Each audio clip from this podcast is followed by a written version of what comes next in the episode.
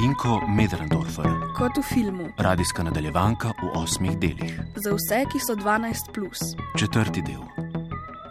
Ata na drevesu in Katarina Velika. Lahko mi verjamete, da sem po tistem, ko sem se frajersko uprl želetu in njegovim, ko sem zaradi tega dobil eno bombo v trebuh, ko me je Marko razočaral, ker je postal črtomir, se pravi izdajalec, ko sem doma spet doživel totalen šok, ker je bilo vse razmetano in se je na koncu izkazalo, da je mama pobegnila od naju zato. Res mi lahko verjamete, da sem spal kot ubit. To, Toliko kot se je meni zgodilo v enem samem samem dnevu, se lahko res se zgodi res v sam še v filmu. To sem rekel tudi Atu, ko so v pizzeriji pod kostanji jedla pico. Noč ni odgovoril. Sam grenko se je nasmehnil. Vse sem mu natančno povedal, kako sem prišel domov, odklenil, vstopil, zagledal črepinje na tleh. Ne bom ponavljal, vse poznate zgodbo. Povedal pa sem mu tudi, kako sem se pretepal z želetom. In pol sem ga v trebuh, tako le sem ga.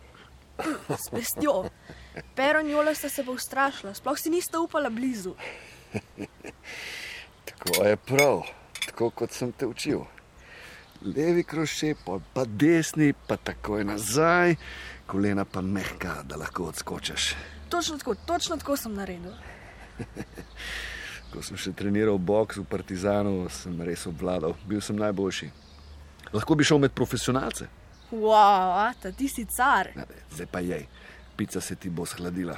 Nisem pa Atu povedal vsega v zvezi z želetom, perotom in joletom. Pohvalil sem se, kako sem blestev zjutraj na dvorišču, kako sem za vsako njihovo zbadljivko našel odgovor in kako so bile punce navdušene nad mano. Nisem mu pa povedal, da me je žele spestil trebuh in da sem se sramotno sesedel na tla, z nogami narazen kot kak plišast medvedek. Tega mu nisem govoril. Bilo me je mal sram. Poleg tega bi bil moj ata razočaran. On tak, perspektiven bokser, njegov sin pa loser. Mu bom drugič povedal, ko bo čas bolj primeren. Zdaj mora najti mamo.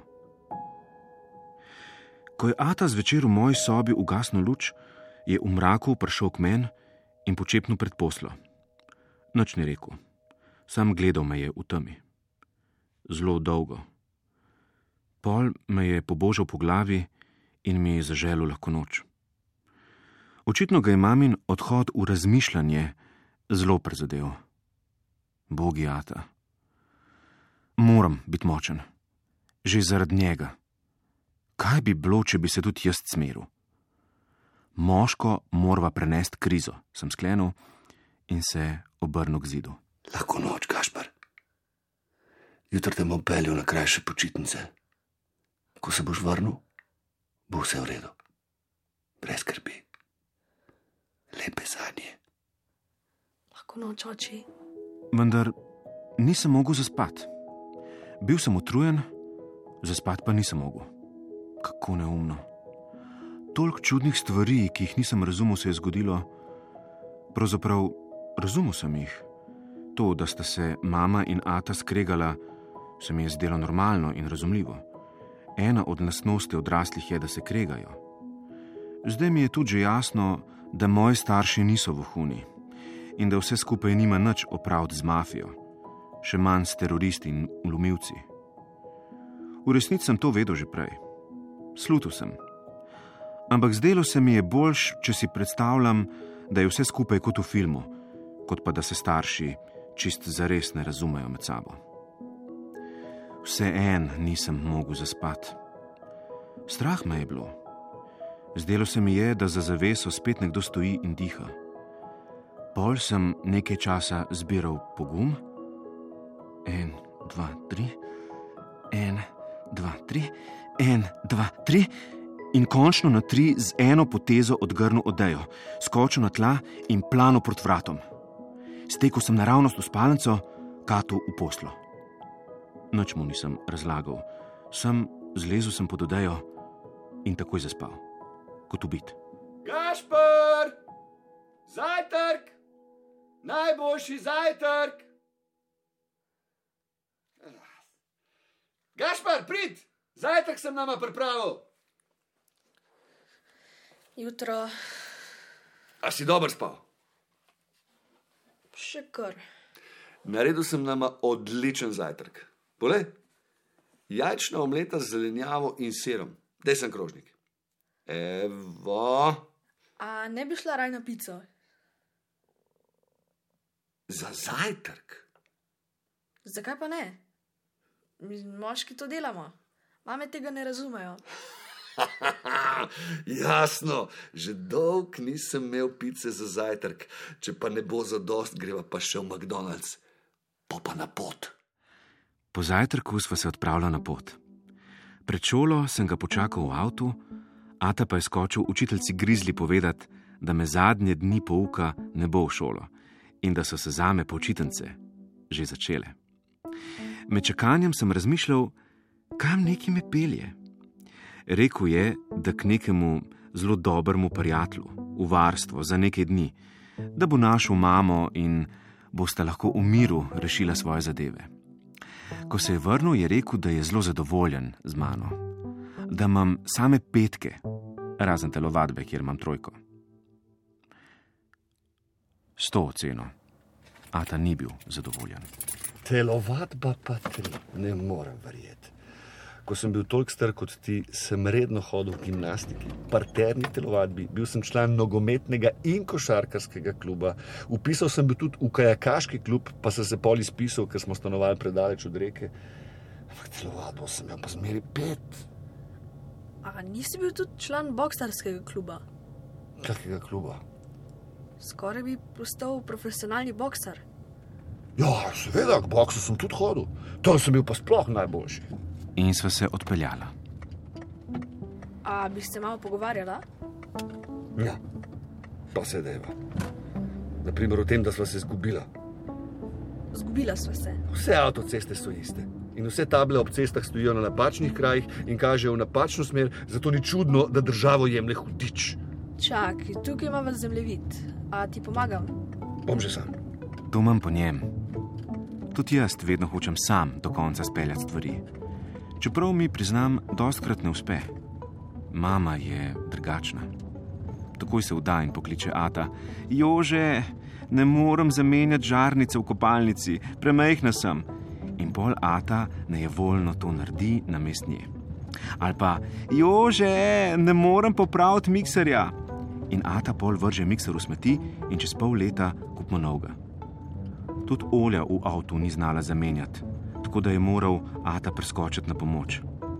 Mama hitro vrže puško v koruzo, Ata pa trmasto ustraja tudi, ko mu kakšna stvar ne gre preveč dobro od rok. Končno sva našla pravo cesto. Še manj. Za naslednjim uvinkom pa sva tam. Pazi, krave! Zdaj pa še to. Stran krave, stran krave! Mrš! Zakaj pa tista krava teče pred nama? Ojoj, ni krava, bik je. Hitro nazaj, nazaj.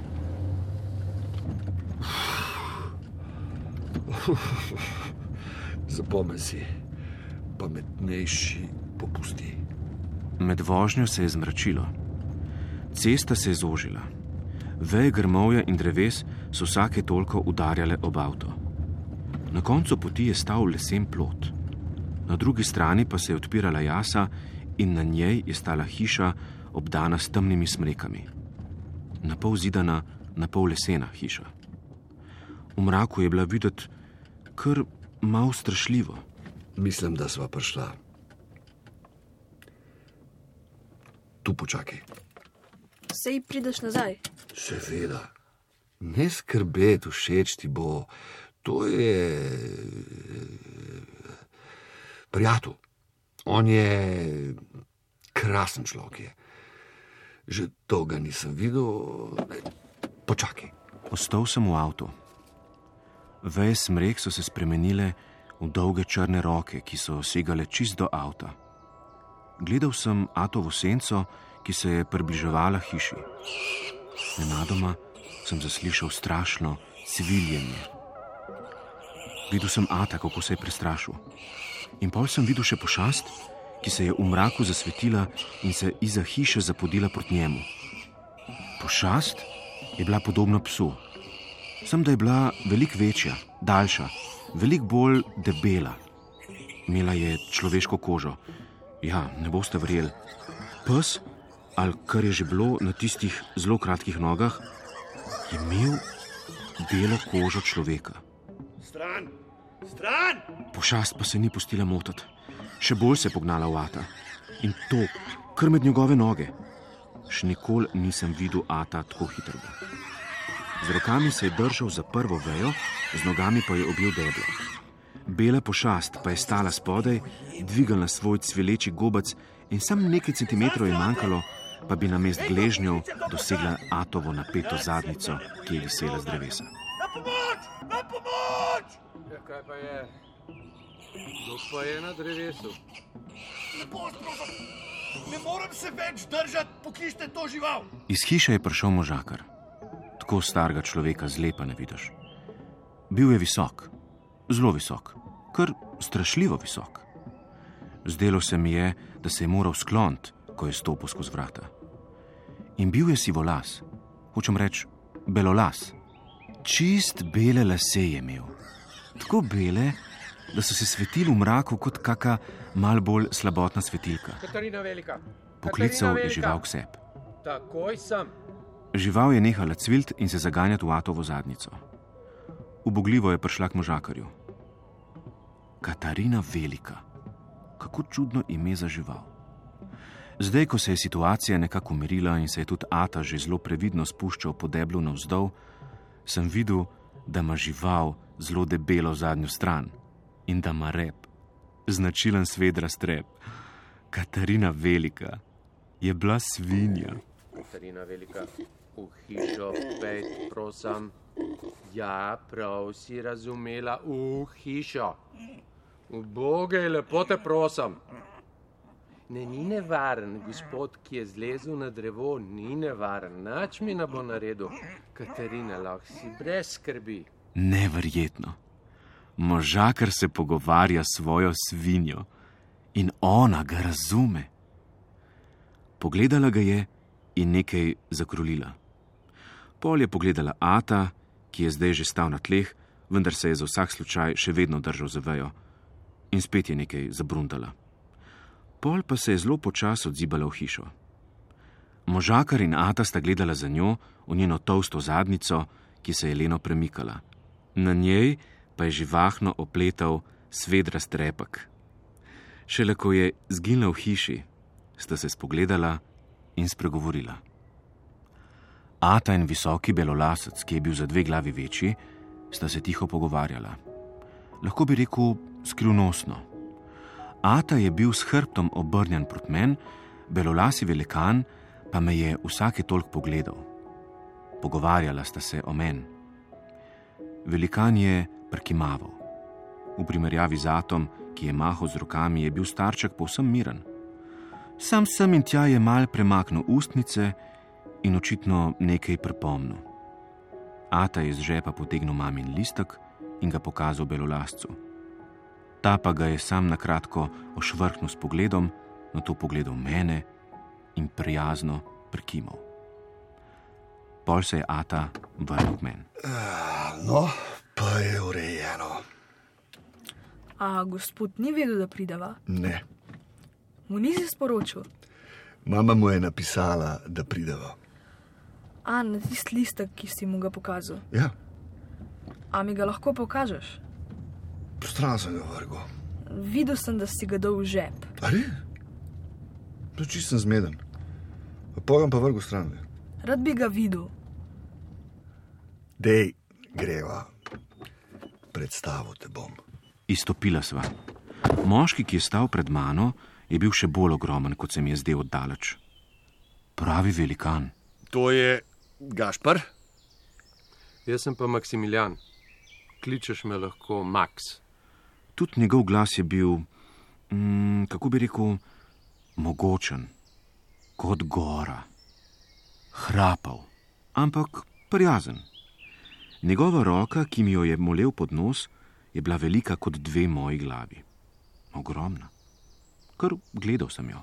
Mi ne boš dal roke, Gašpar, me veseli. A znaš močneje stisniti. Nisem vedel, kaj naj rečem, pa sem kar prekimal. No, pa stisan. In sem stisnil. Aha. Tako je prav. Če stisneš roko, to pomeni, da si vesel, ker nekoga vidiš. Dober stisk roke je kot dobrodošlica. No, aha, spoznala sta se, fino, krasno. Gašpr, teh nekaj dni se boš imel lepo. Kdaj prideš po me? Ne vem, ne vem, čim prej. Takoj, ko uredim zadeve. In je pogledal belolasega gospoda.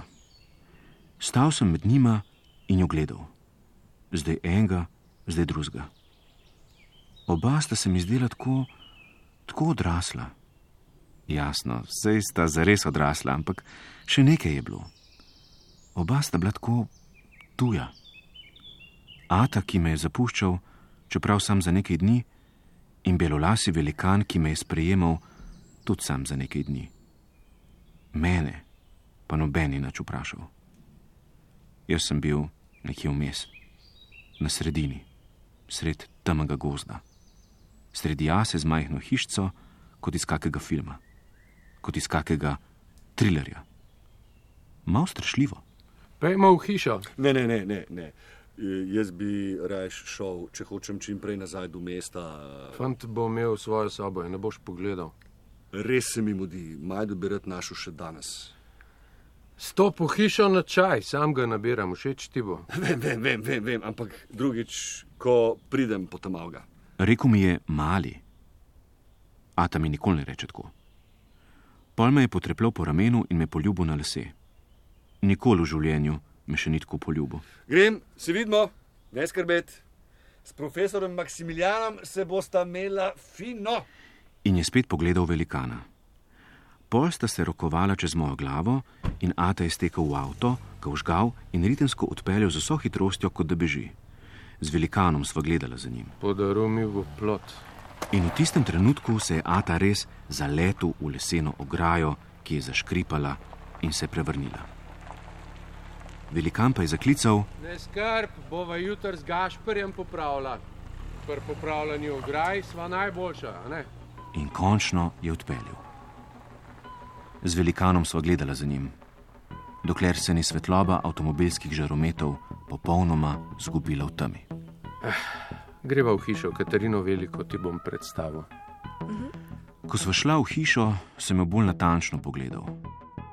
Ne boste verjeli, bila je vijolične barve.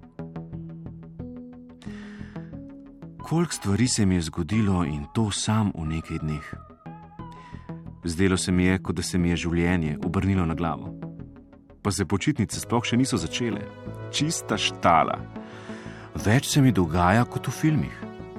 Najboljši prijatelj me je izdal, Tina se noče družiti z mano, kadar so drugi zraven, mama me je zapustila, Ata je podaril plot in pobegnil, ostal sem sam z neznanim velikanom, ki je sicer prijazen, ampak vse skupaj je vse vseeno zelo čudno. Na mesto psa čuvaja, ima psa čuvaja ima svinjo čuvajko. Ne vem, Ne vem, kaj me še čaka. Sicer pa sem v stripu o Batmanu prebral. Življenje je velika pustolovščina in samo najmočnejši preživijo. Upam, da sem najmočnejši.